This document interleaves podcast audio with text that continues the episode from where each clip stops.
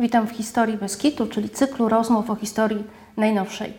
Moim dzisiejszym gościem jest e, dr Anna Machcewicz, historyczka, badaczka dziejów najnowszych. Pracuje Pani w Instytucie Studiów Politycznych Polskiej Akademii Nauk. Jest Pani autorką książki e, na temat strajków e, w Trójmieście w 1980 roku. Ja właśnie o tych strajkach 1980 roku chciałabym porozmawiać. Jaka była sytuacja społeczno-polityczna przed wybuchem strajków w Polsce? Lato 80 roku było w ogóle gorące. Strajki wybuchły najpierw e, w lipcu, na początku lipca na Lubelszczyźnie. To były strajki też na dosyć dużą skalę. E, sparaliżowane było właściwie całe miasto, nie, pracowała nie działała komunikacja. E, Władza była dosyć tym zaniepokojona i wysłano e, pierwszą komisję rządową, na czele której stanął wicepremier Mieczysław Jargielski. I pojechał tam z kilkoma ministrami. I rzeczywiście udało im się przekonać strajkujących do przerwania strajku. Obiecano, e, żądania były głównie socjalne, głównie ekonomiczne, więc obiecano podwyżki, obiecano otwarcie stołówek, poprawienie warunków pracy i strajk został przerwany. E, To była taka pierwsza fala. Zresztą te strajki odbywały się nie tylko na Lubelszczyźnie, nie tylko w tym regionie, ale też w kilku punktach e, w całej Polsce, ale oczywiście na dużo mniejszą skalę i też e, właśnie dzięki tym obietnicom spełnienia żądań zostały przerwane. E, Władza była dosyć uspokojona. Ja czytałam meldunki z poszczególnych e, komitetów wojewódzkich i e, te teleksy były coraz takie spokojniejsze. Sytuacja jest dobra, możemy się znowu zacząć, zająć sprawami przygotowania do, do wakacji.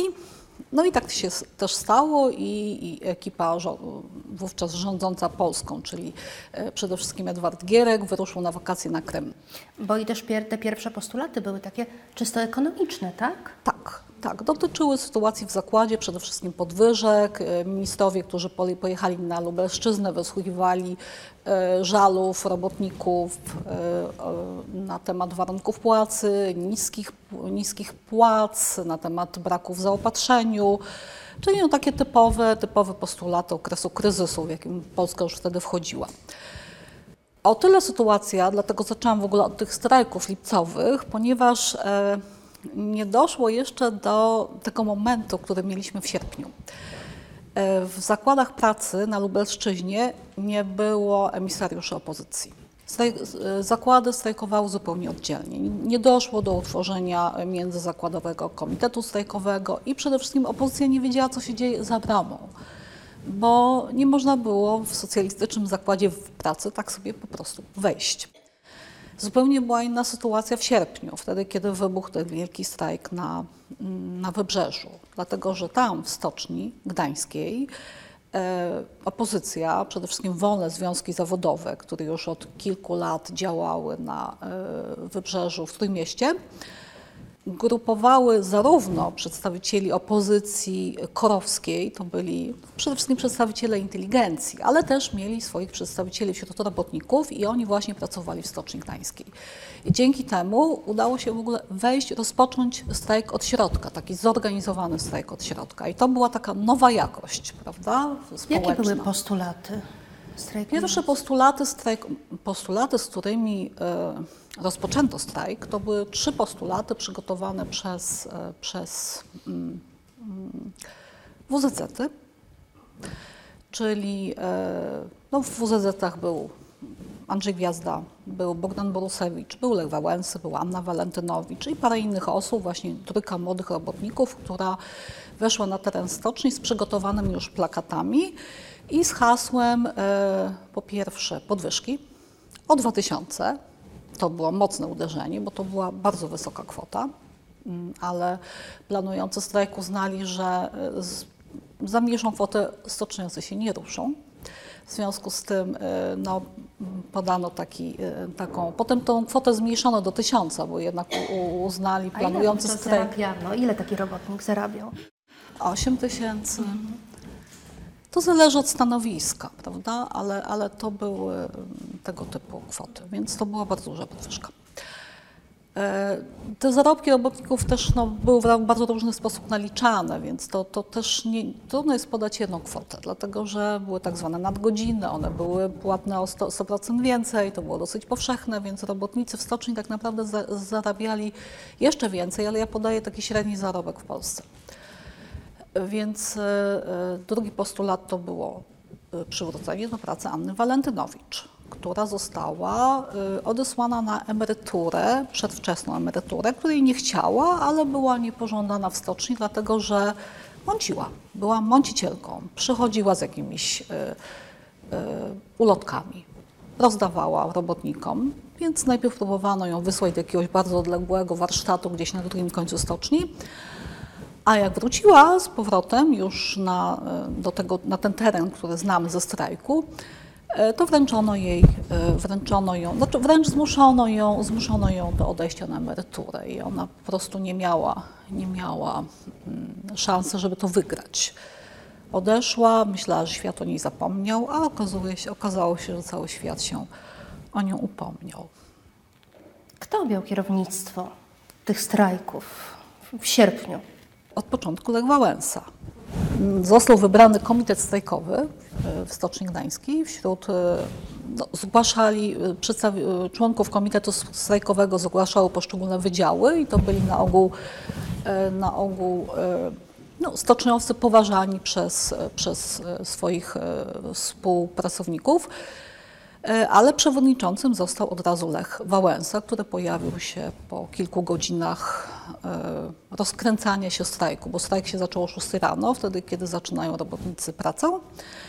E, To postępowało na zasadzie, na zasadzie takiej lawiny. Jeden warsztat przestawał pra, pracować, ludzie wyszli na ulicę, na uliczki stoczniowe, bo stocznia to trochę przypominała takie nieduże miasto. Były mniejsze i większe hale, były warsztaty, część robotników pracowała na e, świeżym powietrzu, przy, e, przy gotowych już statkach i e, gotowych kadłubach, więc no, ci strajkujący zaganiali kolejne, kolejne osoby i coraz większa gromada szła w stronę budynku dyrekcji, gdzie na placu takim przed, przed budynkiem dyrekcji się zebrali i właśnie wiecowali.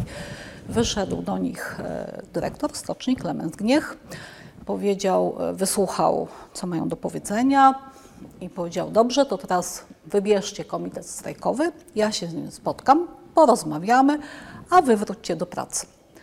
I w tym momencie wyrósł, mm, jak z podziemi, Lech Wałęsa, wskoczył na słynną koparkę, tak naprawdę to był spychacz, i po to, żeby go było lepiej widać, żeby górował nad tym tłumem i powiedział, panie dyrektorze, nie wracamy, wybierzemy komitet strajkowy, ale do pracy nie wracamy.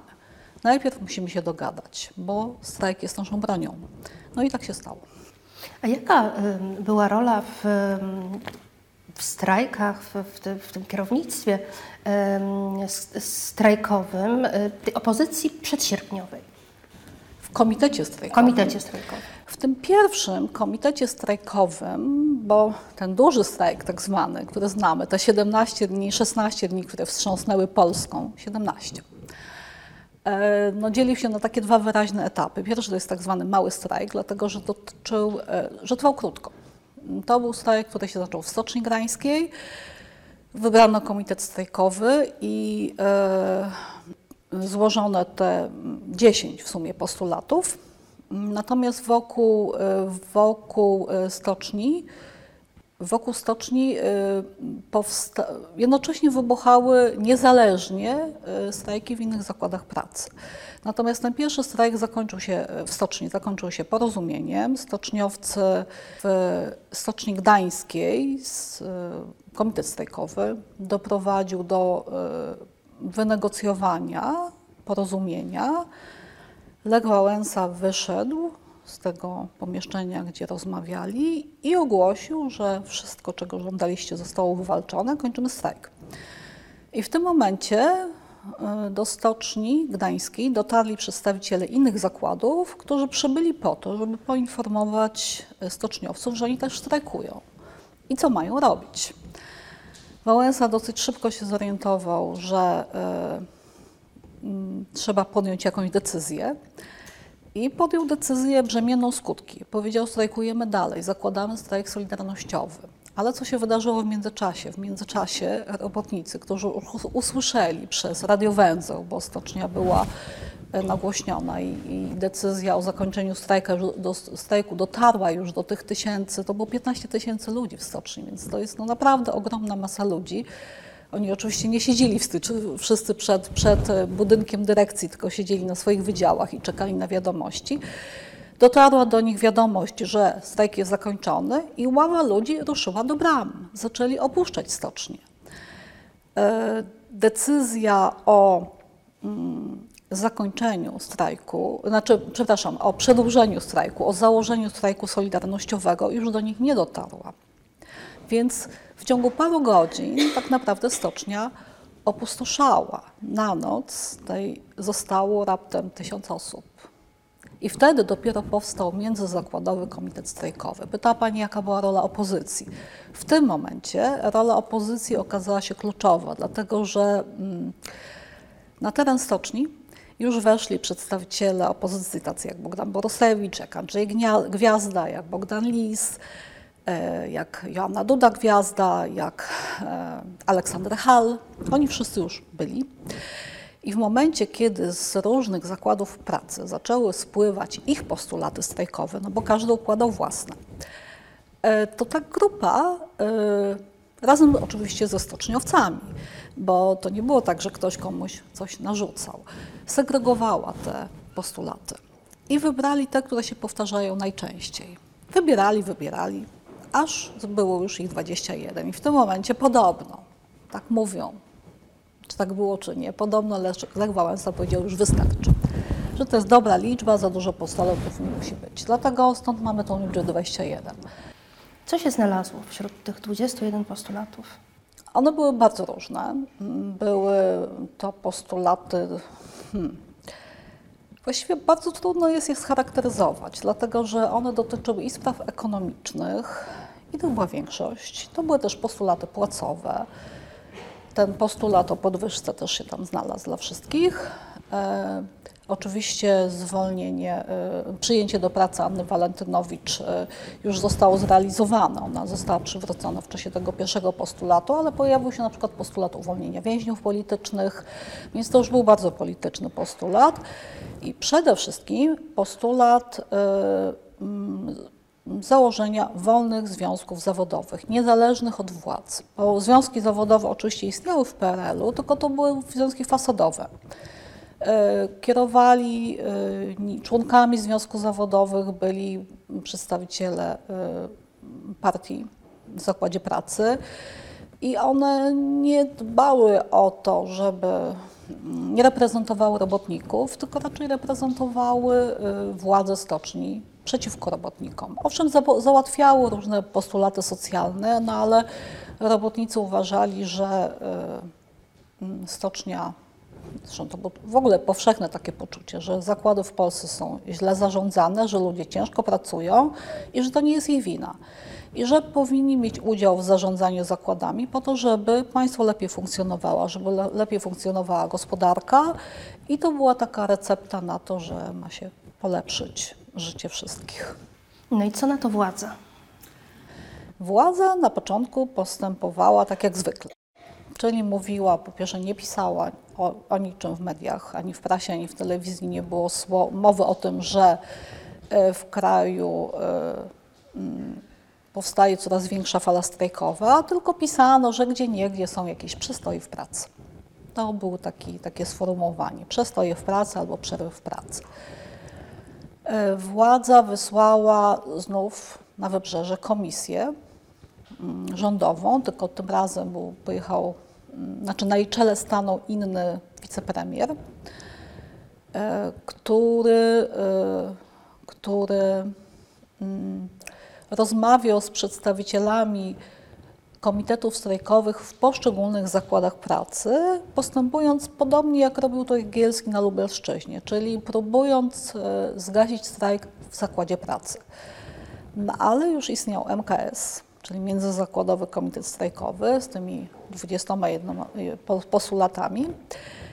I e, przedstawiciele komitetów strajkowych w licznych stoczniach i zakładach kooperujących ze Stocznią Gdańską, ale też mniejszych, no tam strajkowały mleczarnie, piekarnie, apteki, no, bardzo, bardzo różne miejsca i coraz więcej, coraz więcej, no bo ta fala się rozszerzała. E, mówili, że owszem, bardzo nam miło, że spełniacie nasze postulaty, no ale my oprócz tego mamy naszych 21 postulatów i musicie jeszcze spełnić te, a najważniejszy z nich to jest postulat utworzenia niezależnego związku zawodowego, więc no, solidarność i upór to był taki dynamit. Czy te postulaty w końcu udało się zrealizować? Jaki to był proces tych rozmów między władzą a komitetem? Rozmowy wyglądały w ten... Rozmowy zaczęły się w ogóle dość późno, dlatego że no, prac, władza próbowała przeczekać. No, komisja Pyki e, nie... m, Pyka poniósł klęskę, wrócił do Warszawy. Trwał taki impas. Zwią- y, z, z, komitet strajkowy w stoczni, międzyzakładowy komitet strajkowy rósł w międzyczasie w siłę, bo przyjeżdżali przedstawiciele kolejnych zakładów pracy ze swoimi postulatami i z, i z informacją, że wszyscy popierają MKS. Więc y, MKS rzeczywiście no, stał się takim nieformalnym przywódcą strajku w całym regionie, przynajmniej północno-wschodniej Polski, bo trzeba pamiętać o tym, że 18 sierpnia, czyli parę dni później po Gdańsku, stanęła stocznia w Szczecinie. I to był dla taka, mm, znaczy ważny punkt odniesienia dla regionu szczecińskiego. E, Nieco później wybuchły strajki we Wrocławiu, w Poznaniu, w Krakowie, no i wreszcie stanął Śląsk. I to był już taki gwóźdź trumny dla władzy, no bo jak stanie Śląsk, to wiadomo, że jest to groźna sytuacja i to w końcowym, w końcowym etapie strajku, mm, w strajku brał udział 700 tysięcy ludzi. To jest armia ludzi. Ale pytała Pani, jaki, było, mm, jaki był mechanizm rozmów. Więc władze do każdego z tych y, największych y, mm, ośrodków przemysłowych, czyli do Gdańska najwcześniej, potem do Szczecina, a potem na Śląsk, wysłały komisje. Komisje rządowe, które rozmawiały z tamtejszymi międzyzakładowymi komitetami strajkowymi, negocjując ich postulaty. E, I e, jeśli chodzi o Trójmiasto, wyglądało to w ten sposób, że e, oprócz komitetu strajkowego działał komitet doradców, e, który składał się, i to było dosyć istotne w tych negocjacjach, bo ten komitet doradców składał się z ludzi, którzy byli e, profesjonalistami i w dziedzinie negocjowania, i fachowcami w takich dziedzinach jak prawo, ekonomia. I e, socjolodzy też tam byli. Więc to były osoby, które były przygotowane do tego, żeby negocjować, żeby e, mm, nie dawać się zbywać w negocjacjach z władzami i przygotowywały członków e, komitetu strajkowego do rozmowy z komisją, e, z komisją rządową, na której czele stał Mieczysław Jagielski, który przyjechał no, opromieniony sławą wcześniejszych udanych negocjacji na Lubelszczyźnie. Jednocześnie w Szczecinie e, działała inna komisja rządowa, tylko tam sytuacja była o tyle inna i różna od sytuacji w Gdańsku, że na terenie stoczni nie było w ogóle przedstawicieli opozycji, na terenie stoczni szczecińskiej. Robotnicy się na to nie zgodzili. Nie wpuścili e, przedstawicieli opozycji, podobnie było na Śląsku, więc Czemu? E, To wynikało e, Z trochę nieufności? z nieufności, trochę tak, z nieufności robotników wobec, wobec opozycji, e, trochę bano się prowokacji, propagandy władz, która e, w latach 70. pisała o tym, że członkowie opozycji demokratycznej no to są właśnie jacyś e, wichrzyciele, prowokatorzy, którzy reprezentują nie wiadomo czyje interesy, a może niemieckie, jakieś rewizjonistyczne, a na pewno są finansowani przez CIA i generalnie są wrogami państwa polskiego. Więc robotnicy trochę chyba byli, byli tym skonfundowani, trochę nie chcieli, żeby no właśnie na teren zakładu wchodził ktoś obcy. Sytuacja w Gdańsku była właśnie o tyle inna, że e, opozycja już wcześniej zdobyła zaufanie robotników, nie w trakcie strajku. Ta grupa osób, które działała w UZZ-ach, to nie były przypadkowe osoby, to były osoby, które właśnie były, pracowały w zakładach pracy, to byli robotnicy, którzy byli znani w, środom- w swoim środowisku. Lech Wałęsa na przykład, czy Anna Walentynowicz brali udział już w strajku w 1970 roku. I y, byli, y, no mieli zaufanie, zaufanie i szacunek wśród stoczniowców. I to było bardzo istotne w tamtym czasie. I jak się potoczyły te rozmowy? E, Rozmowy zaczę, zaczęły się dopiero pod, e, no jakby w drugiej połowie tego, tego okresu, w drugim tygodniu strajku. Miały kilka rund. Mm, Wyglądało w ten sposób, że poszczególny punkt negocjowano. Ustalano, co się da zrobić, czego się nie da zrobić. O, właściwie do samego końca walka toczyła się o, o to, czy władze zgodzą się na powołanie związku zawodowego, czy nie. Bo to był tak naprawdę najważniejszy postulat. Pozostałe postulaty, y, postulaty socjalne i ekonomiczne były oczywiście pochodną sytuacji w kraju i wiadomo było, że to nie jest rzecz, którą można rozwiązać tak od ręki. To był proces. Poprawa sytuacji w służbie, w służbie zdrowia, czy, y, czy poprawa sytuacji w zaopatrzeniu. To wymagało dłuższych działań. Oczywiście zostały złożone jakieś obietnice, na, natomiast na przykład e, bardzo został rozbudowany tak zwany punkt 16, który dotyczył właśnie sytuacji w służbie zdrowia i on został przygotowany przez e, lekarkę gdańską, która no po prostu bardzo dobrze wiedziała, jakie są potrzeby i, i jak źle ten mechanizm funkcjonuje i co tam powinno zostać zmienione. Natomiast e, mm, pozostałe postulaty były, z tych 21 były e, negocjowane oddzielnie i, i opracowane lepiej lub gorzej. Ale tak naprawdę najważniejszy był postulat, e, postulat utworzenia wolnych związków zawodowych oraz e, postulat uwolnienia więźniów politycznych, bo też trzeba tutaj zaznaczyć, że w momencie, kiedy zaczął się strajk, zatrzymano bardzo dużo osób.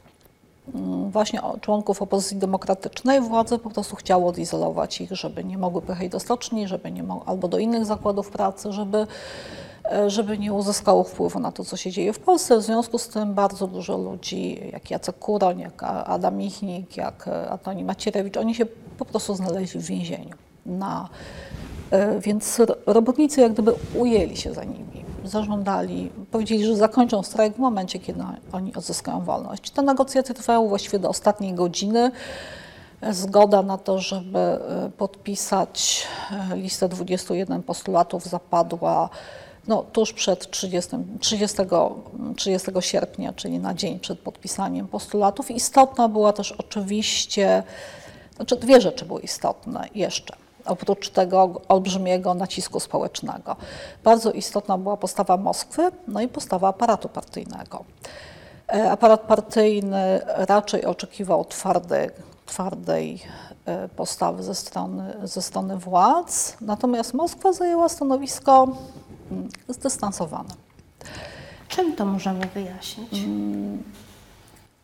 Myślę, że po prostu naszym komunistom, w cudzysłowie, udało się przekonać Moskwę, że e, poradzą sobie ze strajkami, że wykonają taki manewr taktyczny, że podpiszą, związki, e, podpiszą te postulaty, a potem będą się powoli wycofywać z tego rakiem. Czyli, e, czyli no, uznano, że lepiej, e, lepiej e, podpisać niż iść na konfrontację w tamtym momencie.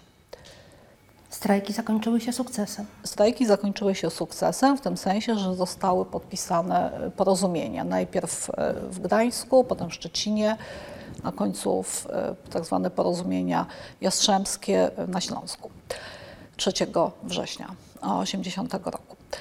Ale nie wiadomo było dalej, jaki będzie tak naprawdę kształt tego przyszłego związku, bo ani ci, którzy go wywalczyli, ani ci, którzy się na to zgodzili, po pierwsze do końca sobie tego nie wyobrażali, po drugie mieli zupełnie inne, mm, inne cele.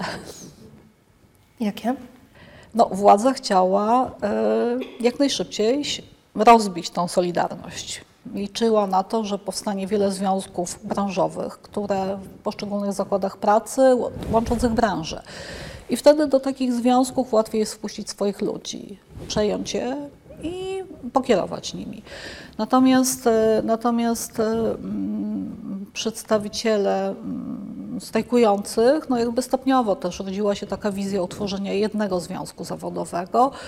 Pomysłodawcą odbył się 17 września, czyli już dwa tygodnie po zakończeniu wielkiego strajku. Do Gdańska zjechali przedstawiciele zakładów pracy, które brały udział w strajku, największych zakładów pracy, które brały udział w strajku w całej Polsce. Debatowano nad kształtem przyszłego związku i po przemówieniu Karola Modze- Modzelewskiego, który przekonywał do stworzenia jednego, jednej centralnej struktury związkowej, przyjęto, podjęto taką decyzję, że powstanie jeden niezależny związek zawodowy Solidarność. I ta nazwa już wtedy padła, ona nie padła w momencie podpisywania porozumień sierpniowych. Ona się pojawiła tak pomiędzy. Właściwie nie wiadomo, kto wymyślił tą nazwę, ale już w czasie strajku pojawiały się na murach takie napisy. Już, e, już pojawiły się koszulki z napisem Solidarność i już był ten bardzo charakterystyczny znak graficzny. Czy były w ogóle jakieś kobiety w komitecie strajkowym? W komitecie strajkowym była Henryka Krzywonos, e, która e, przybyła do stoczni mm, w 16 sierpnia jako przedstawicielka WPK, tramwajarka. Przeszła do historii przede wszystkim moim zdaniem dlatego, że była duża i miała gruby głos. Wbiegła do stoczni, głośno krzyknęła, że e, tak to zostało zapamiętane, że wy chcecie kończyć strajk, a nas tam wygniotą, jak pluskwę. E, Chodziło o to, że e, stoczniowcy w Stoczni Gdańskiej podpisali już porozumienie, e, a inne zakłady pracy jeszcze strajkowały. To były mniejsze zakłady pracy, więc miało mniejszą siłę nacisku i rzeczywiście był taki strajk, że, strach, że ich strajk się nie uda. E, Ja przeglądając dokumenty odkryłam, zna- znalazłam taką zabawną informację, że ktoś napisał, że te słowa to powiedziała jakaś duża, jakiś duży mężczyzna. Duży, potężny mężczyzna, no bo kobieta z grubym głosem to się nie, no nie zdarza w przyrodzie, prawda? Więc została przez wielu zapamiętana jako mężczyzna. Ona była w komitecie strajkowym e, i e, ale ja nie, nie mogę powiedzieć, że w czasie e, strajku w Stoczni Gdańskiej kobiety nie odgrywały e, roli. One roż, odgrywały różne role. No, oczywiście była Anna Walentynowicz, która była taką polską Rozą Parks. O nią się to wszystko zaczęło. Tak. Była, tak jak mówiłam już, była Henryka Krzywonos, która też stała się taką symboliczną postacią. Była Alina Pieńkowska, która była, członk, e, była mm, pielęgniarką w stoczni była osobą związaną z, z, mm, z opozycją jeszcze przed strajkami. E, I e, jej ojciec był stoczniowcem. Była, była też znana w stoczni, była drobną kobietą o niezbyt grubym głosie, natomiast zajmowała się bardzo ważnymi sprawami, ponieważ wydawała przepustki na terenie, na terenie stoczni. Dzięki niej może, znaczy każdy musiał, że tak powiem, przejść przez jej ręce, musiał dostać zgodę na wejście bądź wyjście. Więc one odgrywały różne role. No, Anna Walentynowicz, którą rozpoczął się strajk, robiła po prostu przez cały strajk kanapki. Też bardzo ważna rzecz.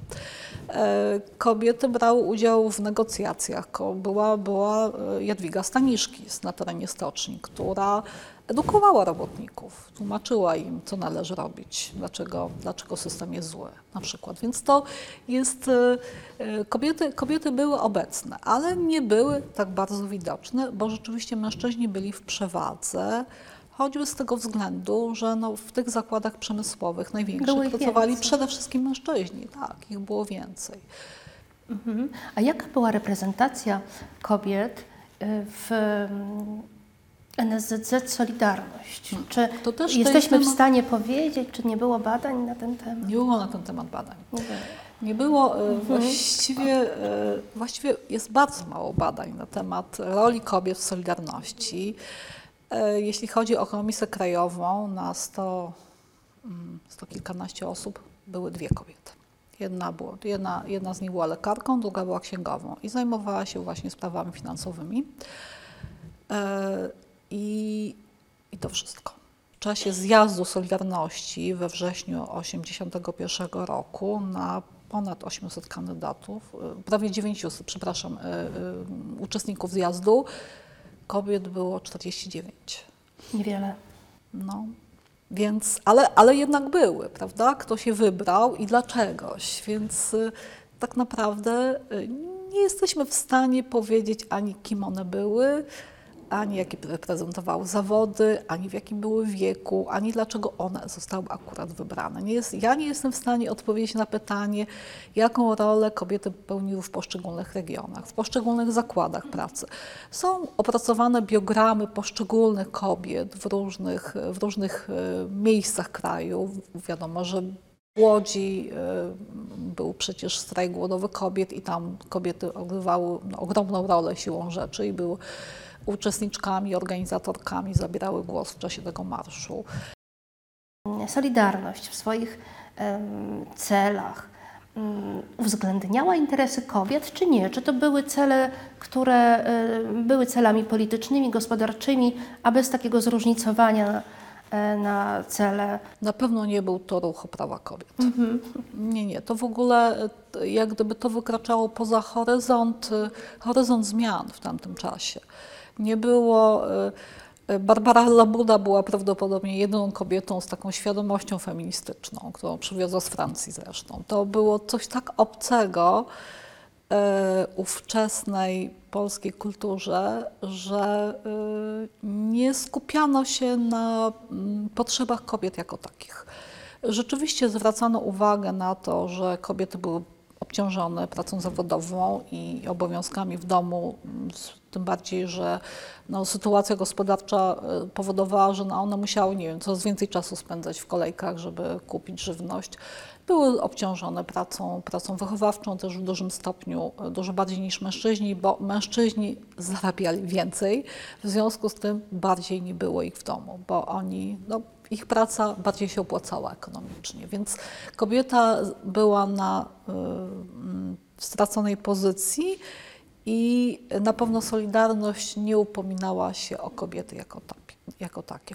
Owszem, był postulat wolnej soboty, to, które zostało prawda, w końcu stopniowo wprowadzone, więc na pewno ulżyło to sytuacji kobiet. Natomiast nie, nie było postulatów równościowych z całą pewnością. To jest dopiero e, etap To jest tak, e, lata. wolnej Polski. Tak. Dziękuję bardzo za rozmowę. Dziękuję. Rozmowy odbywają się dzięki Towarzystwu Edukacji Obywatelskiej o historię. Jak zawsze zapraszamy do subskrybowania naszego kanału YouTube, a także zapraszamy na podcasty w serwisach Spotify i Apple Podcast. Oczywiście wszystko pod nazwą Historia bez kitu. Jeśli podoba Wam się nasz e, kanał YouTube, możecie nas wesprzeć w serwisie Patronite pod adresem patronite łamane przez Historia bez kitu albo kupić nam symboliczną kawę w serwisie Buy Coffee łamane przez Historia bez kitu. Bądźcie z nami.